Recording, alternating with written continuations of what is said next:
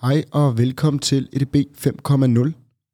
Det er podcasten, der zoomer ind på den nyeste bølge af EDB, eller AI-automatisering. Vi tager tech op af kælderen og ud i forretningen. Vi taler om, hvad det er, hvordan man bruger det intelligent, og kommer med real-life eksempler og erfaringer fra vores verden.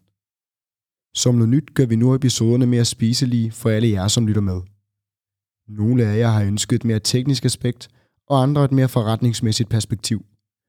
Dyk derfor ned i shownoterne, så du kan se, hvornår i podcasten vi taler om det, som interesserer lige netop dig. I dag får vi besøg af Dan Rose, som til dagligt leder AI-rådgivningsvirksomheden Today og har arbejdet med kunstig intelligens de sidste seks år. Mange af jer kender ham måske fra LinkedIn, hvor han er aktiv, eller har været med på hans nyligt afholdte konference Kunstig Intelligens i Praksis. Dan taler om den mangelfulde information som den største fjende i kunstig intelligens, hvilke fejl han selv begik i sin tidligere virksomhed, hvilke fejl virksomheder ofte begår, og hvordan du undgår at begå de selv samme. Dan fremlægger også hans framework og metodik for arbejdet med kunstig intelligens. Til slut der griller vi Dan. For kan konsulenten sætte sig om på den anden side af bordet og holde med virksomheden? Velkommen til endnu en episode af ADB 5.0.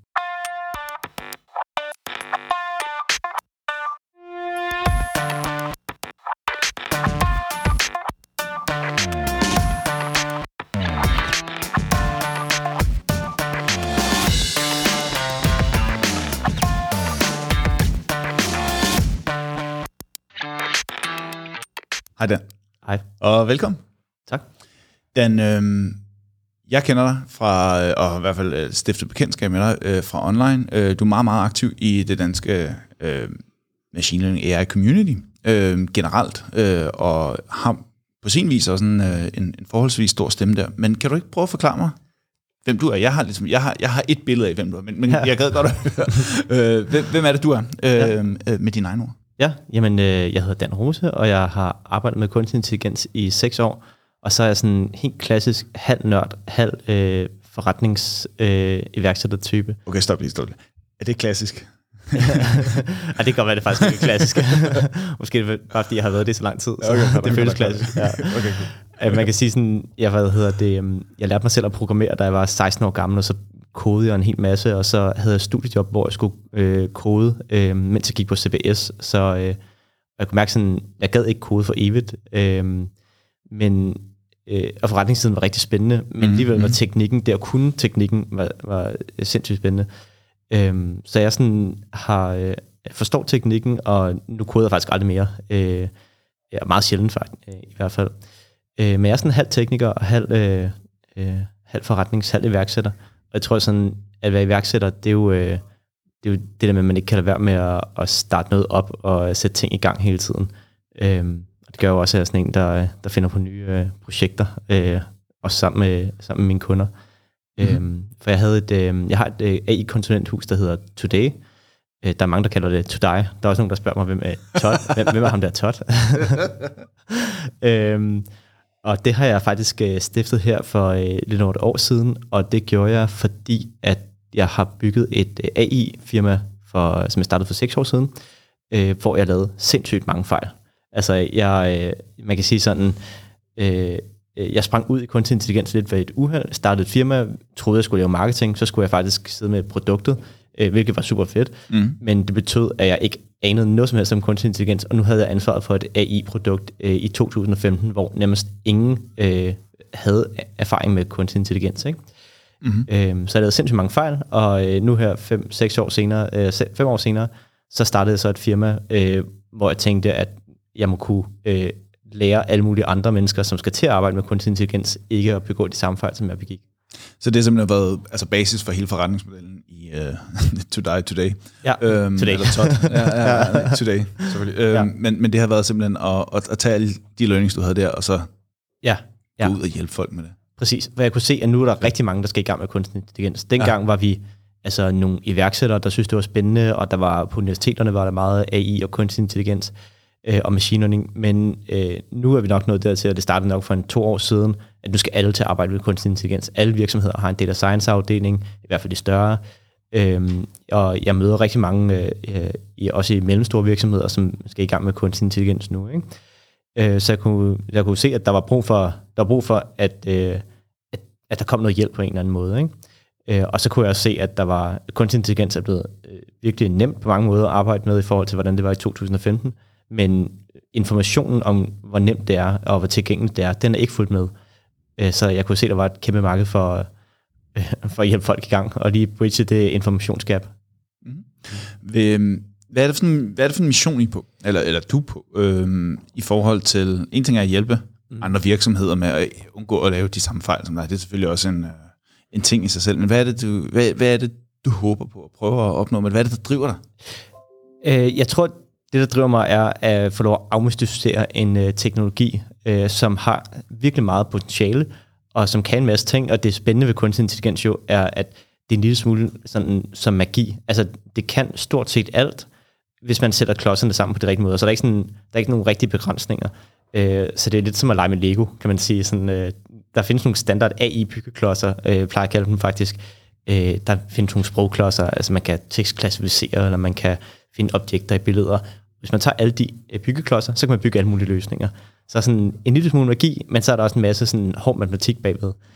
Det er sjovt, jeg kender ja. det faktisk. Jeg havde selv, øh, jeg kan huske, jeg fik min tekniske introduktion til, øh, altså til, til, til det første tekniske. Jeg kommer også ind fra, øh, fra CBS, øh, og så da jeg fik min første rigtig tunge tekniske introduktion, så tænkte jeg også bare, det her, det er det canvas, det er, min, det er mine Lego-klodser, det er dem, ja. jeg kan sidde og, øh, og bygge med.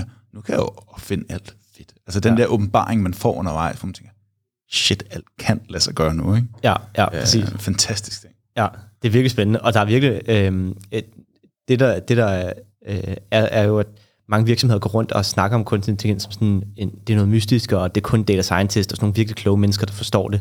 Men set udefra er byggeklodserne faktisk super simple. Så øh, altså alle kan få lov at lege med Lego, hvis bare lige de bliver øh, sparket i gang på den rigtige måde. Ikke?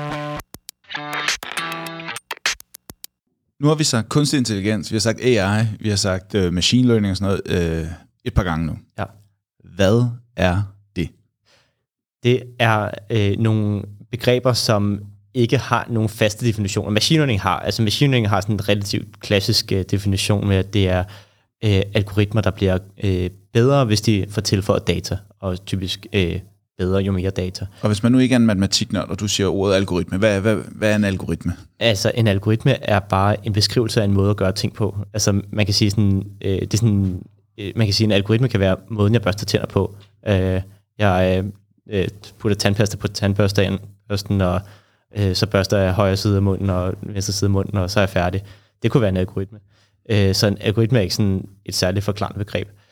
Øh, men, men så machine learning er, er sådan det her sæt af algoritmer, som lærer via data. Og kunstig intelligens er så paraplybegrebet, som kan defineres på alle mulige måder. Øh, og jeg plejer faktisk, jeg har min egen definition på det, som jeg altid bruger, når jeg går ud i øh, forskellige virksomheder. Do tell. Ja, øh, jeg plejer at sige, at øh, kunstig intelligens er ligesom en and. Og det vil sige, altså hvis det går som en and, og ligner en and, og lyder som en and, så er det en and. Og det er samme med kunstig intelligens. Hvis der er nogle fælles øh, træk, der er opfyldt, så er det, så er det kunstig intelligens. Og det er ikke sådan, det er ikke sådan ment til at være en akademisk øh, øh, beskrivelse, det er mere en praktisk øh, beskrivelse. Og øh, de fællestræk, jeg ser, det er, at man prøver at simulere en menneskelig handling eller opgave, mm-hmm. og så øh, hvad hedder det, lærer man øh, via eksempler, altså data, i stedet for instrukser. Altså klassisk IT lærer man meget via instrukser, man siger, jamen hvis øh, øh, A, hvis en variabel er A, så skal du gøre B. Så det er det, man normalt laver som koder, og det er det, der sker, når man laver work, bygger workflows osv.? Ja, præcis. Og det er fuldstændig instruksbaseret. Øh, og så det sidste fællestræk, det er, at det er meget uforudsigeligt.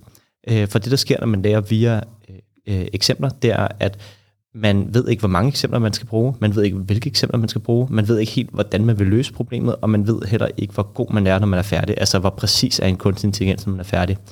Og øh, hele, hele det koncept, det gør, at kunstig intelligens føles fuldstændig anderledes end alt andet at arbejde med. Det, og det er det, der gør, at man introducerer en høj grad af usikkerhed. Øh, og det vil sige, at man kan for eksempel ikke lave sådan rigtig klassiske business cases. Man ved ikke, hvad det vil koste, for man ved ikke, hvor mange eksempler man vil bruge. Man ved heller ikke, hvilke eksempler, øh, og man ved heller ikke, hvor god man bliver bagefter. Så øh, måske modsat af øh, klassiske IT-discipliner, mm-hmm. øh, som er meget fokuseret på omkostninger og øh, sikkerhed og stabilitet, så det her er meget mere eksplorativt.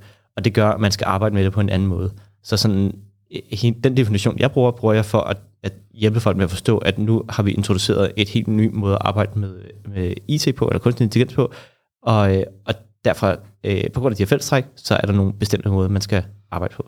Okay, cool. Ja. Der er nok nogen derude nu, som sidder og tænker, er, er det så det samme som agil udvikling, det du sidder og, og, og, og tale om her, eller er der forskel på at gå fra det der helt klassiske styrede waterfall til noget agilt til det her eksplorative, og er det, er det et helt andet paradigme, vi egentlig taler om, eller er det det agile, eller hvad tænker du om det? Ej, det er et helt andet paradigme. Altså det læner sig mere op af det agile, end sådan den, øh, hvis man kender vandfastmodellen, hvor man planlægger et helt IT-system øh, fra start til slut, og så går man ellers bare i gang, og så tror man, man ved, hvad man vil. Øh, agil udvikling, hvor man føler sig lidt frem og prøver at teste nogle ting af hurtigt, det minder mere om kunstig intelligens. Men i agil udvikling kan man sige, at når du bygger en klods, så ved du, øh, inden du går i gang med den, den virker, hvis, den, hvis jeg putter øh, en værdi ind, øh, som er A, og der kommer en værdi ud, som er B, så virker mm. den. Og det gør man ikke med kunstig intelligens. Øh, så på den måde er det anderledes. Så den usikkerheden findes ikke i, øh, hvad skal man sige, i teknologien i agil udvikling. Man bruger stadig en, en sikker teknologi på den måde. Mm. Ja.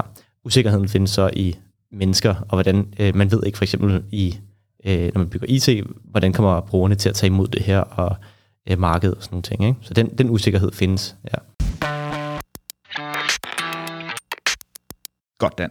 Du nævnte øh, her tidligere, at, at du havde haft et tidligere øh, venture, du havde været ude og venture adventure, øh, hvor du lige pludselig tilbage i 2015 sad og skulle lede noget, der var bygget på noget kunstig intelligens. Der var ikke særlig mange, der gjorde, du begik en masse fodfejl. Kan du ikke prøve at beskrive, hvad det var, I lavede, og hvad det var, der gik galt dengang? Ja. Altså, og, og, og hvorfor ja. gik det galt? Ja, altså øh, det endte jo godt, øh, kan man sige, til at starte med. Øh, men den virksomhed, vi ville bygge, det var en virksomhed, eller vi byggede, det var en virksomhed, der skulle kunne øh, automatisere regnskab, og det skulle den kunne ved at øh, læse kvitteringer og fakturer automatisk. Det vil sige, du sender en, et billede af en faktura eller en pdf-fil ind i den her maskine, og så kan den sige, at totalbeløbet er 25 kroner, og øh, valutaen er danske kroner, og betalingsdatoen er 5. 9. eller whatever det nu er. Ikke? Mm. Øh, og det tænker jeg sådan, det kan jo være meget nemt. Øh, men da vi så gik i gang, så gik det op for mig, at det er sådan en rigtig kunstig intelligens udfordring. Øh, for fakturer ser ud på alle mulige forskellige måder, og alle mulige sprog, og der kan selv en, en faktura fra det samme regnskabsprogram kan have en masse ændringer, så det vil sige, at det var svært. Øh, øh, vi var nødt til at have kunstig intelligens til at læse det. Mm. Og, øh, og det endte jo godt, som jeg sagde. Altså, der er 15.000 virksomheder, der bruger det i dag, øh, så vidt jeg ved. Men, øh, hvad hedder det, jeg greb det helt teknisk an. Øh, jeg havde heller ikke så meget, og der var ikke så meget information dengang i 2015, men altså, jeg troede, at det her det var en teknisk svær opgave, og jeg troede, at alt mit fokus skulle ligge på, hvordan virker øh, algoritmerne, og hvordan virker neurale netværk som sådan en, en moderne form for kunstig intelligens algoritme. Mm-hmm. Øhm, og så brugte jeg al min tid på det, og så tænkte jeg, jamen data, det kan vi lige skaffe på et par uger. Og så øh, problemet, det kender jeg. Altså, jeg skal bare læse en faktura. Og det viser selvfølgelig, at det klart sværeste var at forstå problemet.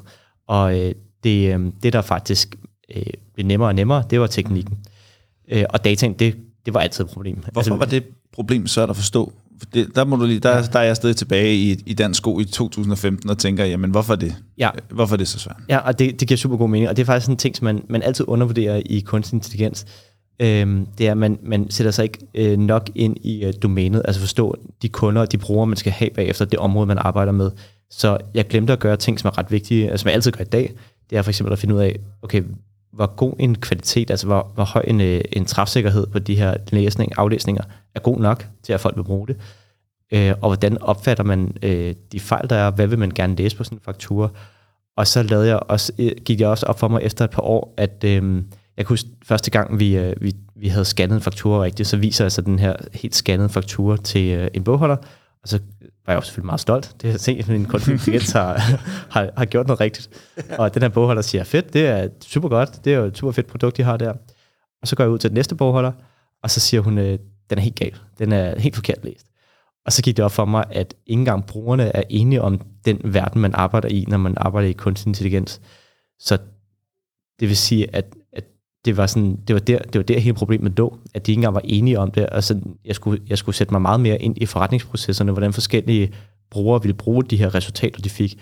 Det med at øh, skabe resultaterne var i virkeligheden den lille del af det. Mm. Det var at sætte det sammen med alle mulige andre systemer og alle mulige andre brugere. Det er sådan så den primære fejl lå i ikke at sætte sig ind i brugernes verden. Øh, og man kan sige sådan, det er jo altid lidt en ting, man bør gøre lige meget, hvilket domæne man arbejder i. Men i kunstig intelligens er det, er det altså meget vildere, end man er, man er vant til. Cool. Mm. Øhm, hvad, hvordan har du så øh, øh, brugt det, og hvordan, ej, nej, måske skal vi starte med, hvordan kom I så over det problem? Altså, hvad, fra, fra I nu står her, og du kender ikke din brugers øh, hverdag godt nok. Hvad var så next steppet, og, og, og hvordan overkom I det så? Og begyndte at arbejde med det?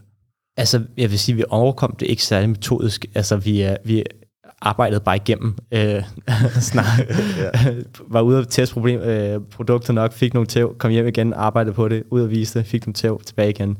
Øh, man kan sige sådan, man kunne have været meget mere metodisk omkring det her, med sådan en flok unge iværksættere med en teknologi, man aldrig har prøvet før. Det var, øh, det var hårdt arbejde. Mm. Øhm, og så blev vi bedre til at samle data ind. Jeg sagde også, at data var et stort problem. Øh, og det, man finder ud af, er, at øh, bogholder vil selvfølgelig altid sige til dig, at vi laver ikke fejl i regnskaber. Vi, øh, vi bogfører rigtigt, og det kan du stole på. Men så når man kigger regnskaber, så er der masser af fejl. Øh, der bliver tastet forkert, der bliver bogført forkert. Mm.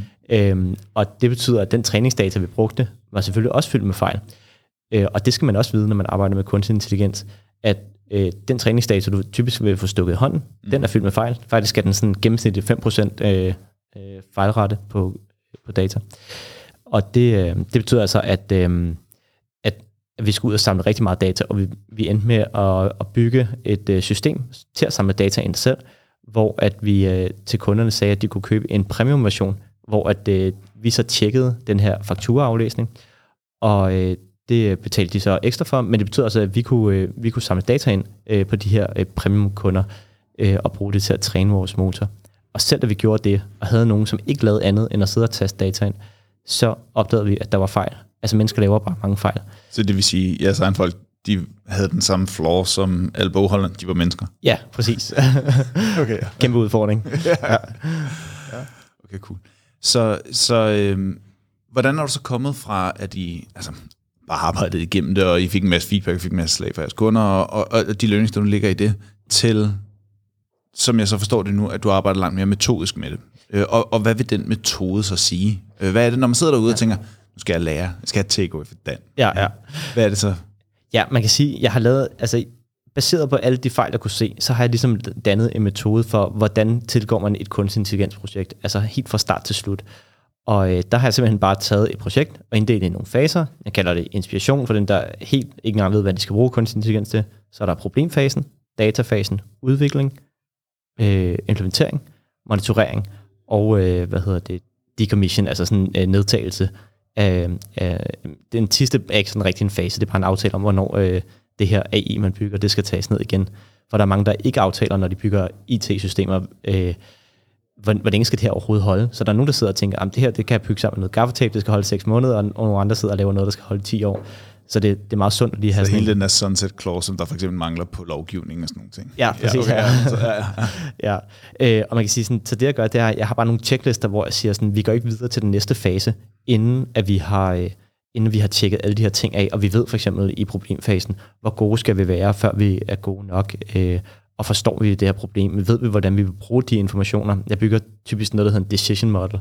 Altså jeg siger, når den her AI kommer med noget øh, med et svar, så skal vi kunne, øh, ved alle mulige svar, der kan komme, så skal vi kunne sige, hvordan vi vil bruge den information. Så lad os sige, at vi er 80% sikre på, at den her faktura har totalt beløb 100. Hvad gør vi så? Er, det, er 80% nok til, at vi øh, sætter den til manuel behandling, eller skal den øh, sendes, øh, eller skal den bare automatisk bogføres? Øh, ved at lave alle de afklaringer, før man går i gang, så er det meget nemmere projekt bagefter. Og så er der i datafasen har jeg også nogle, øh, nogle checks og sådan videre. Kan du måske lige prøve at tage den fra altså helt kronologisk? Hvad er det, der foregår ja. til at starte med i inspirationfasen? Hvad, ja. hvad sker der der? Ja, det er, det er, de, det er de virksomheder, som, øh, og faktisk det er langt de fleste af dem, øh, jeg snakker med, de siger, øh, vi vil gerne i gang med kunstig intelligens. Hvor skal vi starte? Øh, og det er en... Øh, og det er, sådan, er det det rigtige sted at starte? Øh, det synes jeg faktisk, det er for mange, øh, fordi man kan sige sådan, øh, mange de, de, øh, de har forstået, at kunstig intelligens øh, kan have en meget høj værdi, øh, og det kan hjælpe dem en hel masse steder. De kan bare ikke helt finde ud af, hvorhenne. Så jeg synes, det er meget fair at komme og sige, vi ved ikke, hvor vi skal starte, men vi helt vil gerne i gang. Mm. Og så handler inspirationsfasen i virkeligheden ret meget om undervisning. Øh, og undervise ikke bare ledelsen, som er typisk dem, der sætter tingene i gang, Øh, der kommer masser af ledere og siger sådan, vi har, sad, vi har sagt på bestyrelsesmødet, vi skal i gang med kunstig intelligens. Øh, hvad gør vi? Øh, og så, øh, så er det jo mere sådan at sige, øh, det, det er fedt, øh, så skal vi have gang i nogle af jeres øh, mere operationelle medarbejdere og hjælpe dem med, hvad kunstig intelligens kan. For når de ved, hvad det kan, så skal de nok finde på nogle gode idéer.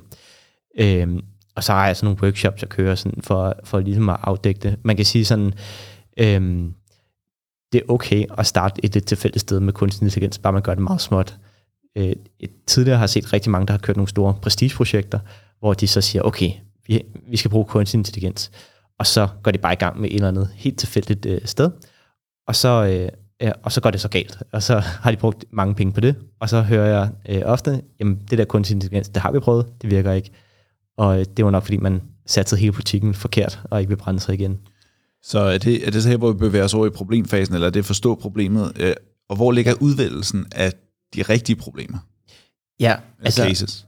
Ja, altså øh, de rigtige cases øh, er de cases, hvor at det kan betale sig, kan man sige. Og det ved, øh, det ved virksomheden selv, øh, når de først lærer modulerne at kende, kan man sige, de her Lego-klodser, vi startede, snakkede om i starten.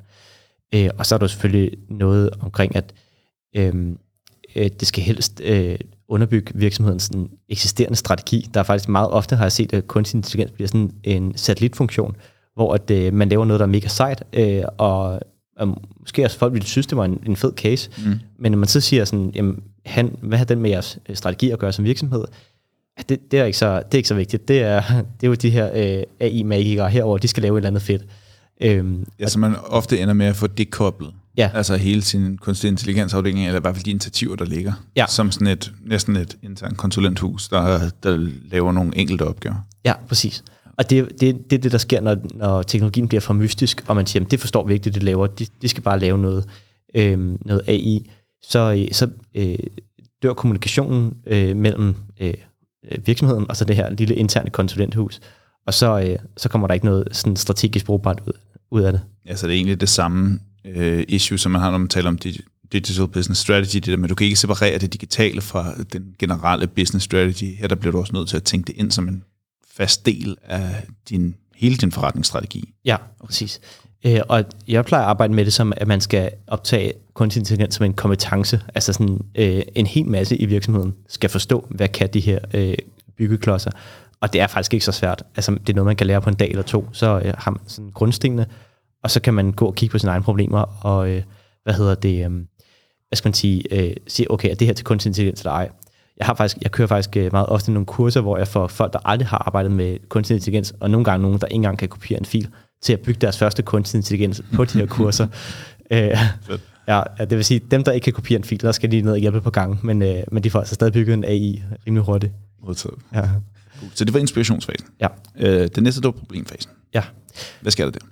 Der, skal vi jo, der kender vi vores problem, og nu skal vi øh, ligesom afgrænse, eller øh, virkelig forstå vores problem, og sådan bygge et sådan umiddelbart løsningsdesign. Vi skal finde ud af, hvor god skal den her kunstig intelligens være, før den er god nok.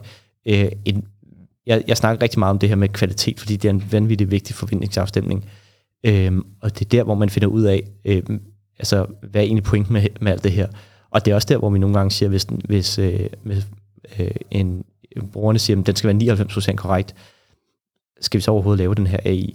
Og en meget vigtig ting i den her metode er, at hvis man ikke kan tjekke, øh, ligesom tjekke checklisten af, så skal man bare droppe det, øh, det her projekt, eller man skal gå tilbage og, øh, og, og blive bedre til at forstå sit problem, eller øh, skaffe noget mere data, eller hvad det nu er. Ikke? Øhm, ja, så det handler om kvalitet, det handler om, hvordan skal vi bruge den her, og hvordan, hvordan skal designet ligesom se ud. Og det er sådan problemfasen, og så optage så meget domæneviden som overhovedet muligt. Ikke? Snak med de øh, eksperter, fageksperter, der, der arbejder på det område, man arbejder med. Mm-hmm. Og så bevæger vi os videre til datafasen. Data. Ja. Præcis. Hvad, hvad sker der der? Jamen, øh, i datafasen, der skal vi typisk samle noget data ind, og det kan være alt fra fuldstændig umuligt til, øh, hvad hedder det, til super nemt. Øh, jeg synes, data... Hvad er data i det her tilfælde? Jamen, data, det kan være... Øh, det kommer an på, hvilken type øh, kunstig intelligens man bygger, men det kan være... Øh, øh, det kan være øh, nogle, noget tabeldata, for eksempel lad os sige, du skal kunne, øh, øh du skal kunne øh, forudsige den bedste rute, så vil du se en masse tidligere ruter eller, øh, fra kørsler, hvis du har sådan en, øh, hvis du har sådan en, en logistikforretning. Øh, det kan også være nogle tekster, det kan være mails fra, øh, fra medarbejdere, der er sendt rundt i en organisation, og så skal du finde ud af, hvor skal automatisere, hvor skal de her mails blive sendt rundt. Øh, det kan være alle mulige ting, men det, der er særligt ved data i kunstig intelligens, det er, at det skal, øh, man kalder det labels. Det man skal sige sådan, for eksempel, lad os sige, at du har billeder af hunde og katte, og du vil lave mm-hmm. en AI, der kan genkende forskel på hunde og katte. Så skal du fortælle øh, computeren, det her er en kat, og det her er en hund, og det hedder labeling. Og det kan være... Så ret... hele din supervised øh, altså ja. tilgang til machine learning. Ja, præcis. Ja. Øhm, og det kan, det kan være meget nemt, hvis man bare skal sidde og, og dele katte- og hundebilleder op i to forskellige, øh, to forskellige mapper. Men hvis man skal, for eksempel med sprog skal sidde og markere alle navne i en stor tekst, eller så vi gjorde det i Paperflow, alle totalbeløbene øh, og alle datorerne, så, øh, så kan det tage rigtig lang tid. Og derfor handler datafasen både om at forstå, øh, hvor kan vi få dataen, er det nemt, øh, men også, øh, hvad koster det at samle data ind? Altså koster det mange penge at label det der data, for hvis du skal bruge 100.000 datapunkter, og du skal label øh, dem alle sammen, og det koster 1 krone per styk, så, øh, så skal du betale 100.000 kroner. Men hvis det nu koster 5 kroner per styk, så er det jo mange flere penge. Øh, så det er også her, hvor at, øh, prisen per øh, labeling betyder ret meget, synes jeg. Cool. Er det, er det en øh, allemandsopgave? Er det en domæne-specifik opgave? Øh, eller er det noget, en data scientist gør? Eller er det noget, en klassisk business analyst? Hvem er det, der normalt deltager i, i den her fase? Øh, helst øh, alle, faktisk. Ja, ja øh, fordi det, der er med databasen, det er, at det er her, man virkelig forstår, øh, hvordan dataen hænger sammen. Det vil sige, at øh, hvis en data scientist ikke er med til for eksempel at label noget af dataen selv, så øh, kan de ikke se alle corner casene i dataen, når de først begynder at arbejde med den. Så det er faktisk en ret vigtig ting, at lige få, en, øh, få den tekniker, der nu skal sidde med det, hvis det er en tekniker, det kan også være, at det ikke engang er en tekniker, der skal lave modellen, øh, til at sidde og label noget af dataen. For så, så får man en, en ret god indsigt i, hvad er det egentlig, hvordan er den her data hænger sammen. Altså, jeg gjorde det selv i, uh, i Paperflow masser af gange, for at forstå, at nå, okay, men der er, hvad hedder det? Um, Paperflow, din, din ja, tidlige virksomhed, ja, du tidlige virksomhed, ja. ja. Øh, nogle gange kan et, øh, et nettobeløb, som vi skulle finde, stå to gange på en faktura. Hvad gør man så? Øh, det er jo lidt besværligt. Øh, mm. Så, men det kunne man jo ikke vide, hvis man ikke selv havde siddet og labelet dataen. Øhm, og det var vigtigt, at øh, de udviklere, der sad, eller machine learning udviklere, der sad øh, med, med modellerne, også havde prøvet at lægge den data. Øh, for ellers bliver man jo forvirret, øh, når, man så, øh, når man så sidder og laver modellen. Ja. ja. Øh, og så får man også meget tidlige insights. Det bruger jeg faktisk også en del tid på. Sådan, allerede her i datafasen, så kan man give noget værdi til, øh, til kunden. Øh, og sige, okay, hvis du, at din data hænger sådan her sammen? For det ved de faktisk meget ofte ikke. Altså som for eksempel eksemplet med to øh, nettobeløb på en faktura, eller... Ja, ja.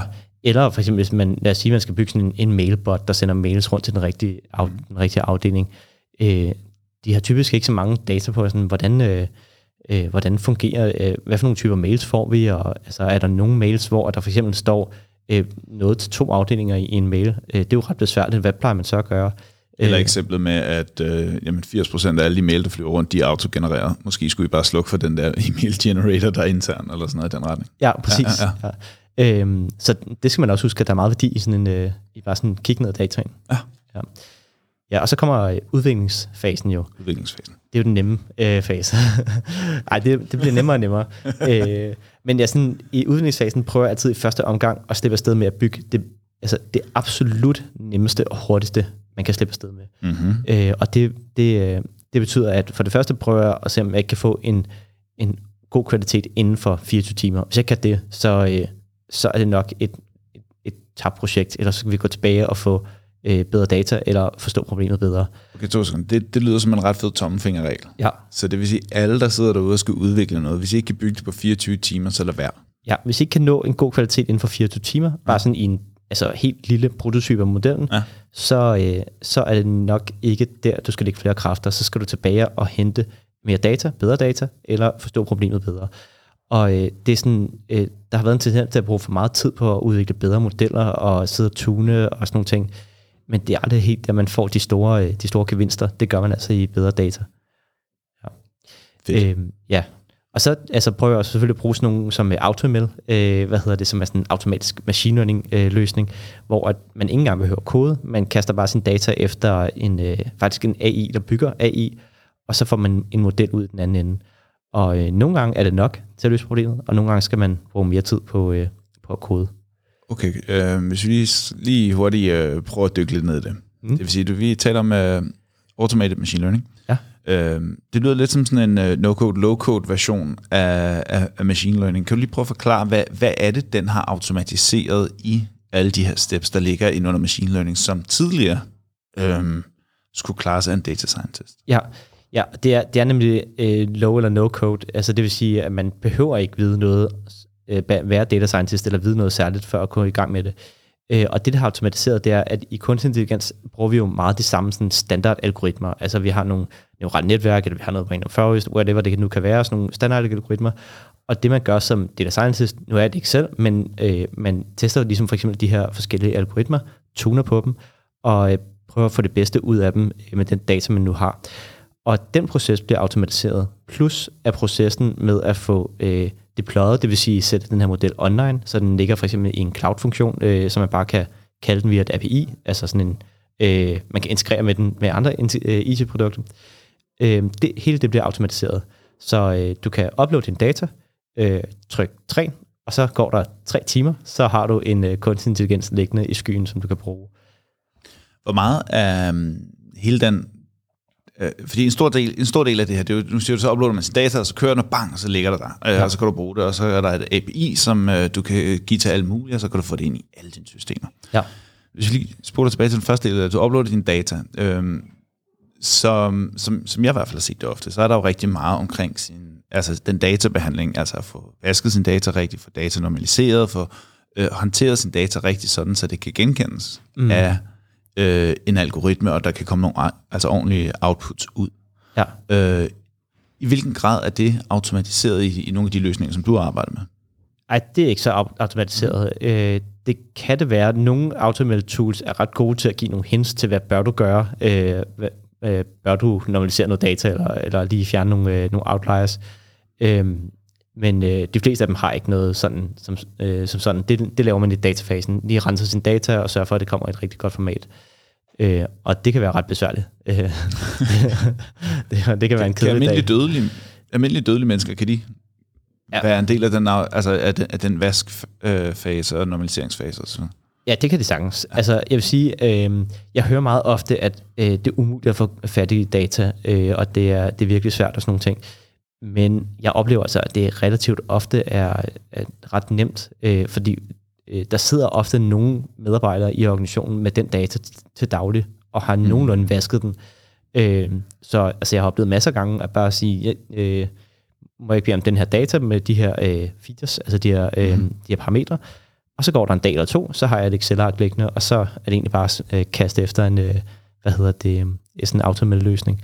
Øh, selvfølgelig skal man lige gennemgå det, og man skal lige øh, se, om der er et eller andet, der ser mærkeligt ud, det er der altid, men øh, altså en time Excel eller, mm. eller Google Sheets, så kører det. Sådan, okay. Ja. Er der også, øh, i forbindelse med nogle af de øh, løsninger, som du har deployet som en del af en AutoML-løsning, øh, Automated Machine Learning, mm. øh, har I så også lavet, altså inkorporeret retraining og redeployment af nye øh, løsninger ja. øh, til produktion og sådan noget, og kan, kan du lige forklare lidt om det? Ja, altså øh, det der er med kunstig intelligens, er, når man først har trænet kunstig intelligens på noget data, så bliver den hele tiden dummere. Øh, og der, der er typisk den her... Forklar lige det. Ja, Hvorfor bliver den dummere? Jamen, der, der, øh, når man træner på noget data, så har man ligesom taget den data, der findes i verden på det tidspunkt, og så ændrer verden sig jo. Så det vil sige, øh, lad os sige, du, øh, du øh, har lavet en kunstig intelligens, der kan forudsige, hvor mange mennesker tager toget om morgenen. Øh, den er baseret på historisk data. Den ved, om hvis det regner, og hvis det... Øh, øh, hvis det er onsdag, så kommer der så mange mennesker. Men så, øh, så kommer corona, og så mm. tæller den data overhovedet ikke mere. Øh, og der kunne det være jo ret fedt at øh, gentræne med noget ny data efter corona, for at man ligesom kan få, få det med. Ikke? Øh, så mange folk har bare en, en tendens til at tro, at, kunstig intelligens bliver klogere bare ved at eksistere, men det bliver dummere, med mindre man sætter de her gentræningsflow op, hvor man, øh, hvor man tilføjer den nyeste data, og måske stiller noget gammel data, hvis det ikke er relevant mere, øh, og, så, øh, og så gentræner modellen. Og det kan man sagtens gøre med de her øh, AutoML-løsninger. Jeg ved faktisk ikke, om der er nogen, der sådan bygger det helt automatisk. Jeg har bygget det nogle gange i øh, Google øh, Cloud. Øh, mm-hmm. Der kan man bruge sådan nogle cloud functions, tror jeg det hedder, mm. øh, hvor man nærmest gratis kan, kan kode nogle små scripts, og så, øh, så kan man sætte gentræning i, i gang. Øh, ja, det er sådan... Okay, sådan, så, ja. det, så, så, så en del i at sørge for, at man har bygget en sustainable machine learning, det er, at man får lavet en ordentlig data pipeline, som ligesom automatisk bliver ved med at spytte nye eller fornyet data ind, sådan, så den hele tiden holder sig op til daten, så den ja. ikke lige pludselig bliver overrasket af corona.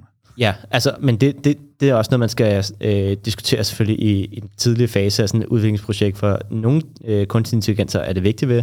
Lad os sige, du har kreditkortsvindel. Hvis folk øh, øh, hvis du laver en, øh, en AI, der kan fange kreditkortsvindel, så kommer dem, der svinder nok til at skifte strategi ret hurtigt, når du begynder at fange dem. Øh, men hvis du har en AI, der skal kunne genkende forskellige træsorter, så kommer der nok ikke så mange træsorter.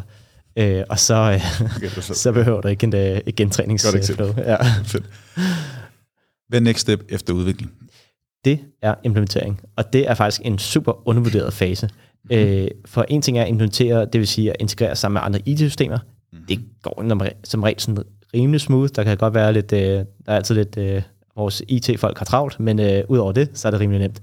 Øhm, men så er der også øh, træning af brugerne. Øh, de brugere, som skal øh, hvad hedder det, til at, øh, til at øh, anvende en løsning med kunstig intelligens, og det oplevede jeg også i Paperflow, at øh, når man ikke længere er sikker på, at det, der er, øh, man får ud den anden ende, er rigtigt, så begynder man at opføre sig helt anderledes.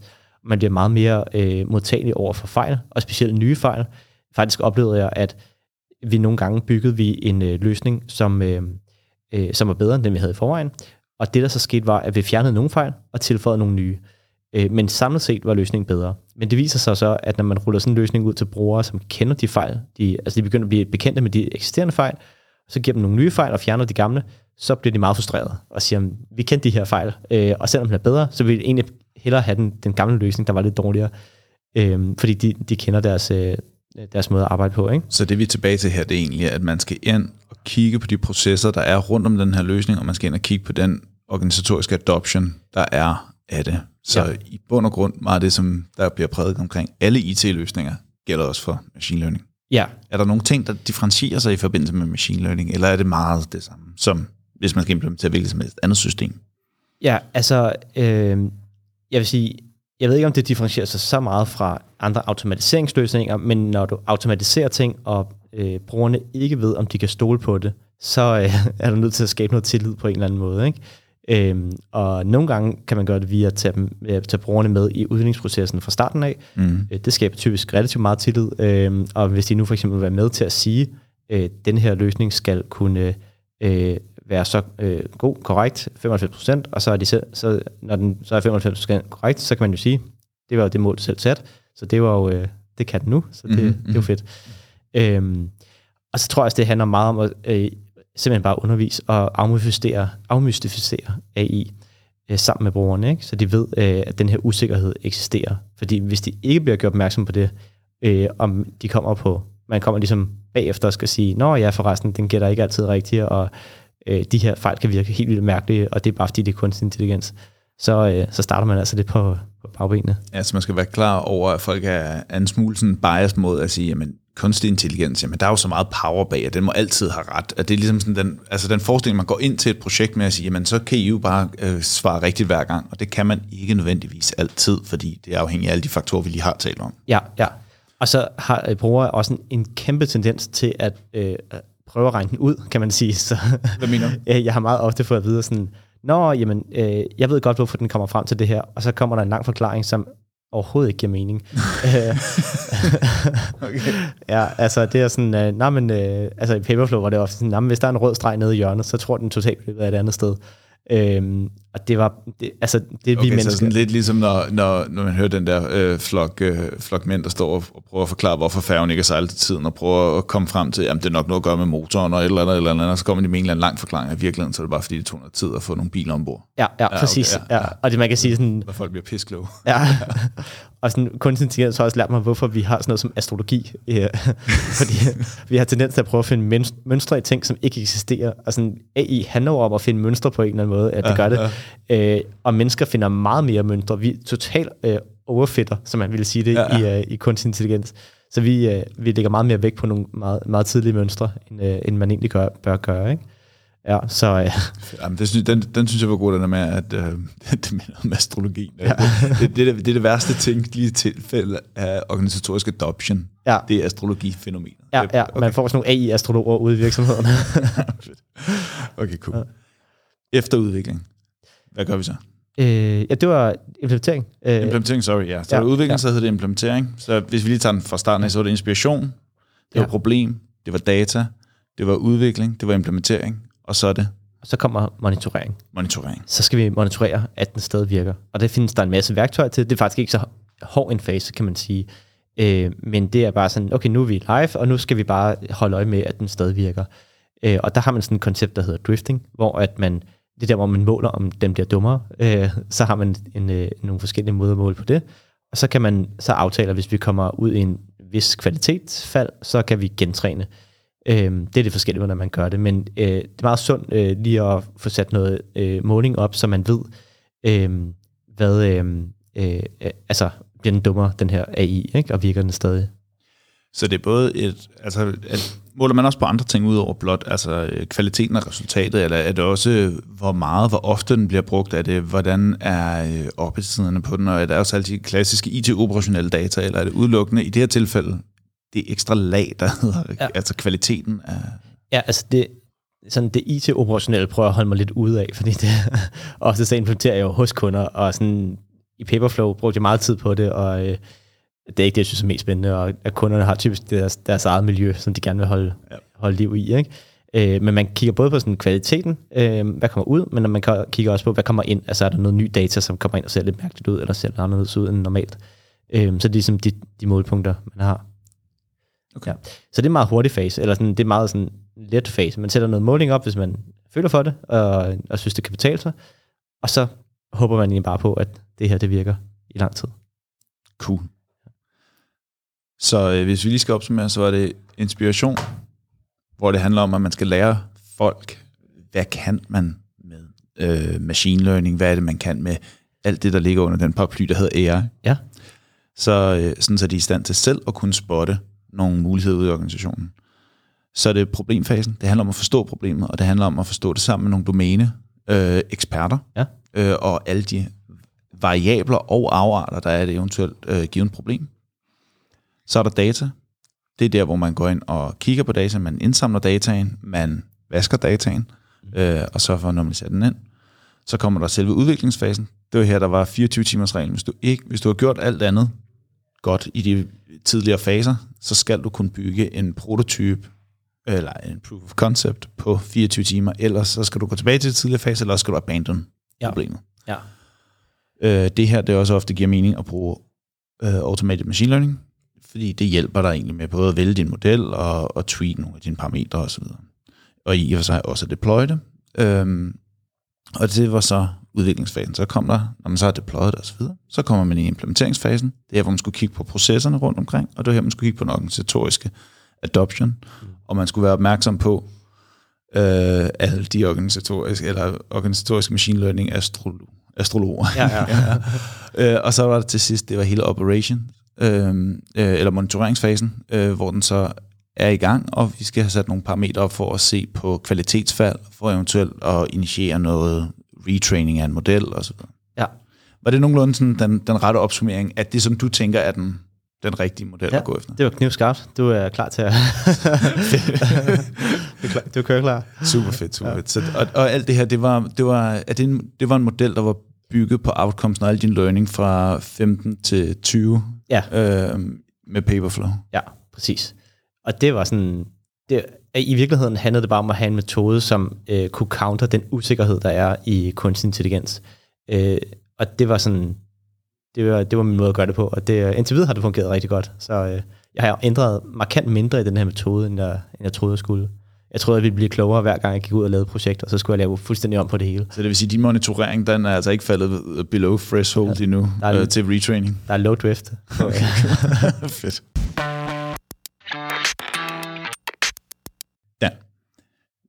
Du har været ude at lave en del af de her projekter. Mm. Det vil sige, du har også været rundt i mange forskellige virksomheder. Øh, du har også selv fået dine bruises, så, øh, så, så, så du ved ligesom, hvilke fejl det er, man begår. Og sådan noget. Kan, du, kan du prøve at, øh, at, at fortælle os om nogle af de fejl, du har oplevet ude i organisationer, øh, som vil være gode at lære af for, for folk, der lytter med?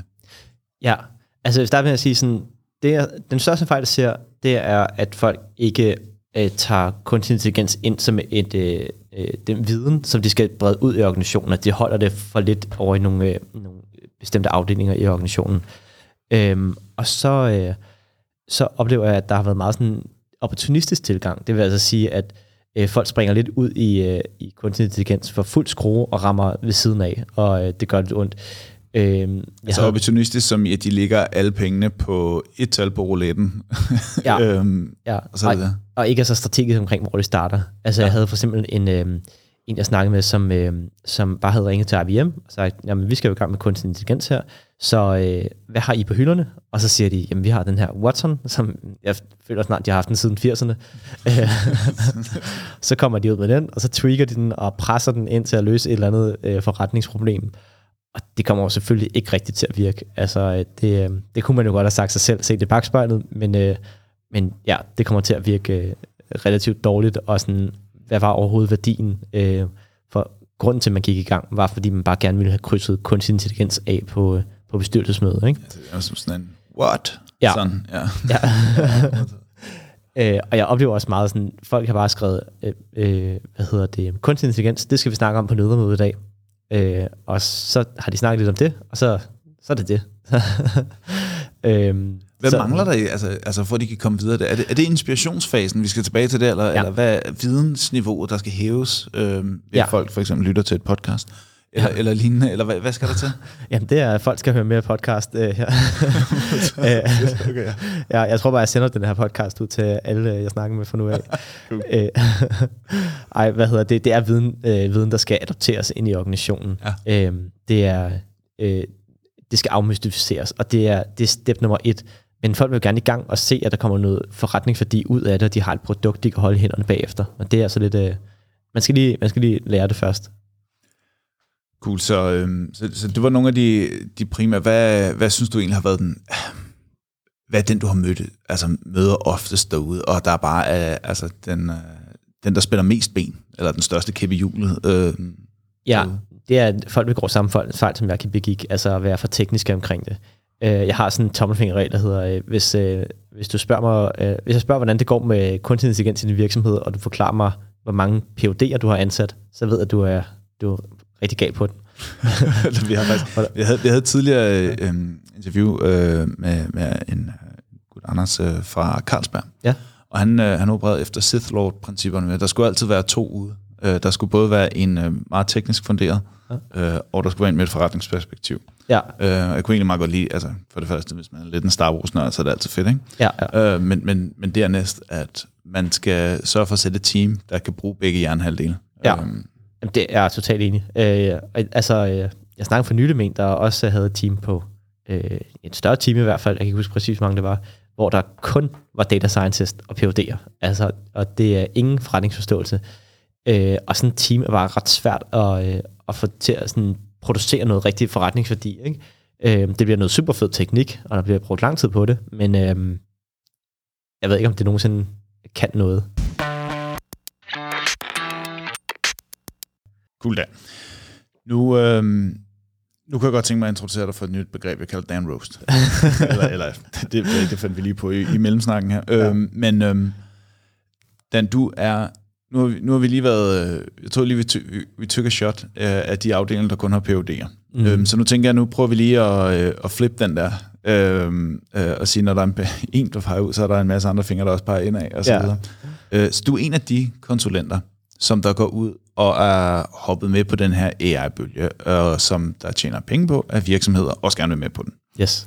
Øhm, I den forbindelse, jeg, jeg er også selv konsulent, så, Ja. så jeg ved udmærket godt, jeg kommer også fra the dark side, ikke? Ja. Ja. for nu at blive Star Wars-analogierne. Mm.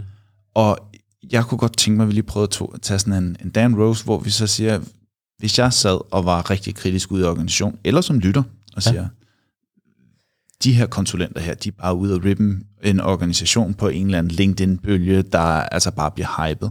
Ja. Og så kunne jeg godt tænke mig at høre dine svar til nogle af de mest kritiske spørgsmål, både som jeg har hørt derude, ja. øhm, som jeg selv har mødt, øhm, og som jeg måske i nogle tilfælde også lidt tænker om mig selv, øhm, for også at høre, hvad, hvad dit perspektiv er. Ja, øhm, ja, det glæder jeg mig til. Ja. Cool. Jamen, øhm, Jeg sender tæ- en faktura bagefter. Bare så. og det, det, må, det er måske egentlig det allerførste, apropos fakturen. Ja. Øhm, ude i markedet, så er der rigtig mange konsulenter, som ligesom går til en time and material, og time and material, det betyder, at hvis der bliver brugt en time, så, betal, så betaler kunden også en time. yes. Yes. Øhm, i et tilfælde, hvor der er så høj risiko, eller der ikke er øh, risiko i forbindelse med projektet, Ja. der er så, det er så eksplorativt, øhm, hvad, er, er det så ikke sådan lidt chickenagtigt for en konsulent, øh, og, og bare sige, jamen, øh, risikoen er fuldstændig over på jeres side, i stedet for at komme ind med en lille smule mere øh, selvtillid, og så sige, prøv at vi deler simpelthen, vi laver shared risk, shared reward, altså går til nogle andre betalingsmodeller, end at bare sige, altså, det, jeg kan ikke love jer noget som helst, men I skal bare betale en masse penge. Ja, jamen øh, det kan man faktisk godt sige, det er, og jeg, kører faktisk den helt store kyllingmodel. Øh, jeg øh, får også øh, med betaling upfront, øh, så øh, hvad hedder det, øh, der er ingen risiko på min, øh, på min side. Men det er der så alligevel. Altså, jeg tror ret hurtigt, min forretning dør ud, hvis jeg kan levere et godt resultat. Mm. Og så vil jeg sige, at øh, den her metode, vi snakkede om før, der har jeg faktisk et ret stort øh, S op i ærmet, når jeg kommer ud til mine kunder. For så øh, forklarer jeg dem selvfølgelig den her metode og siger, at der er de her faser. Men vi kører milestone funding, det vil sige, at der skal kun sættes penge af til den næ- øh, næstkommende fase. Øh, og hvis vi ikke kommer videre, så, øh, hvad hedder det, så lukker vi bare her. Øh, for ellers så sker der jo netop det, som sker i rigtig mange øh, IT-projekter, at man får sat penge af til det hele, og så, øh, og så bruger man jo alle de penge, man har sat af. Der, altså jeg tror aldrig, der har været sat, øh, hvis der bliver sat 1 million kroner af, så tror jeg ikke, at man har brugt 700.000. Man bruger altid de penge, der er sat af, ikke? Mm. Øh, så det handler om at kun sætte penge af til den næste fase. Og det er faktisk... en- Parkinsons pengelov. Ikke? Ja, ja, præcis. og det, er sådan, det føler jeg er, øh, er min modvægt til den her, øh, hvad hedder det, øh, at jeg bare ikke har nogen risiko. Men altså, det ligger altid på virksomheden selv at få en... Øh, Mm. ja. Så, så Risiko. hvis man er, hvis man som virksomhed skal, skal, skal counteract noget af den risiko, eller, eller, eller adoptere nogle af det, hvad vil et godt råd for dig øh, til en konsulent, som måske ikke skal købe dig, men skulle købe en anden konsulent? Ja. Øh, hvad skulle det være? Ja, altså det er et virkelig kedeligt svar, men det, vi er tilbage til viden. Øh, vi snakker bare viden hele tiden. Jeg har faktisk, øh, vi skal sikkert lave lidt sjov med, hvor mange slides jeg har. Jeg har rigtig mange slides. Øh, men jeg har sådan et standard slide, jeg hæver op, hvor jeg, jeg hvad hedder det, øh, jeg har øh, sådan et billede af nogle gamle mennesker, der står nede i, øh, i Power eller Elgiganten, øh, og skal til at blive snydt af en sælger. Mm. Øh, for jeg stod øh, faktisk nede i Power og kunne se øh, en, en ung sælger, der skulle stå og sælge mobiltelefoner til de her gamle mennesker, der havde trukket et nummer og stå i kø. Øhm, og de skal jo til at have, hvad hedder sådan noget, øhm, ekstra forsikringer og ekstra udstyr og alt muligt. De bliver totalt snydt, de her øh, ældre mennesker. Ikke? Øh, og øh, virksomhederne derude, når de møder mig, og der er så stort et videnskab, så, øh, så er jeg sælger nede i Power, og øh, de er, øh, de er de gamle mennesker. Ikke? Så øh, der er viden altså det eneste rigtige våben. Øh, og, og så skal det så også siges, at det kan også være lidt irriterende at være sælgeren, som skal stå og forklare, hvad en telefon er for tredje gang i dag. Ikke? Øhm, så det vil faktisk også hjælpe mig, hvis der var lidt mere viden derude. Jeg kan, jeg kan så godt følge det. Jeg har en, øh, fra et øh, unavngivet øh, har jeg engang hørt om en, der har solgt sådan nogle øh, tv-bokse til en, til, en, til en ældre kvinde øh, uden tv. Stærkt. det, det, var, det, er sådan, det, det er også det grældeste tilfælde, jeg hørte af det. Nå, men, ja. men apropos det, så siger du, du har dine slides. Yes. Øhm, nu prøver jeg lige at tage, tage den kritiske tech-hat på, ikke? Øhm, så lad os nu sige, at man sidder derude som, øh, man er en af de her PUD'er, der rent faktisk skal finde ud af det her. Mm. Øh, og ikke sådan en øh, slik teflon-konsulent. Ikke? øh, bringer du andet til bordet end blot en masse slides og en masse proces og en masse øh, sniksnak omkring det? Altså bliver der overhovedet bygget noget? Kommer der et output af det her? Eller står man blot med sådan en slidepakke bagefter og siger, jamen så fik vi da i det mindste betalt øh, Dan på hans øh, time and material? Ja, ja. Ja øh, det gør man jo forhåbentlig, øh, medmindre man lukker projektet øh, tidligt. Øh, så hele pointen er jo, at man skal komme ud med et produkt i den anden ende, som virker. Og det er jo det, man skal øh, tidligt finde ud af, for eksempel, hvor godt skal produktet være, når vi er i problemfasen. Det er det, man skal definere, hvad er, hvad er outcome af det her. Ikke? Øh, og der kan man ret hurtigt øh, fornemme, om der kommer et reelt produkt ud af det her, øh, eller om det bliver slides. Men altså, man plejer jo at sige, at, øh, at øh, AI er lavet PowerPoint, og machine learning er lavet Python, ikke? Øh, og, ja. og jeg tror, vi laver halv-halv. Okay. Øh, ja, men det er altså øh, en meget vigtig del af rejsen er at få, øh, få folk med, øh, så man ikke bare får alternativet til at lave øh, kun Python. Det er, at øh, kunden står bagefter med et pro- produkt, som måske endda virker, og virker rigtig godt, men som de slet ikke kan bruge, øh, og som ikke passer rigtigt ind i forretningen. Så de har bare en virkelig fed Lego-klods, der ikke lige passer ind. Øhm, så der skal helst være en balance i det. Okay, cool. Så hvis jeg nu sidder derude som en, øh, en virksomhed nu, ja. øhm, og tager lidt en, en mesmorf øh, tilgang til ting, og siger, jeg vil gerne prøve at efterligne, hvad de andre virksomheder gør, Ja. så vil jeg i mange tilfælde kigge rundt, og så vil jeg sige, men der begynder folk simpelthen at oprette en, altså hive de her øh, folk ind internt, altså at få lave sig sit team, i nogle tilfælde integreret ind i organisationen, andre gange som et separat team, men man opbygger de her kompetencer selv, fordi det skal jo være en, som du selv siger, integreret del af ens strategi Ja. øh, og ens måde at tilgå problemer på. Hvorfor skal man så gå ud og købe en konsulent, hvis hele vejen til det her er at få det integreret fast ind i en organisation? Ja. Nu har jeg været i kon- konsulent her i, i lidt over et år, og øh, jeg ved det simpelthen ikke. jeg, ej, men jeg, har tit, jeg har tit undret mig over det. Ja. Øhm, hvad hedder det? Men det virker som om, at øh, en konsulent, der kommer udefra, kan noget andet, end dem, der kommer indenfra.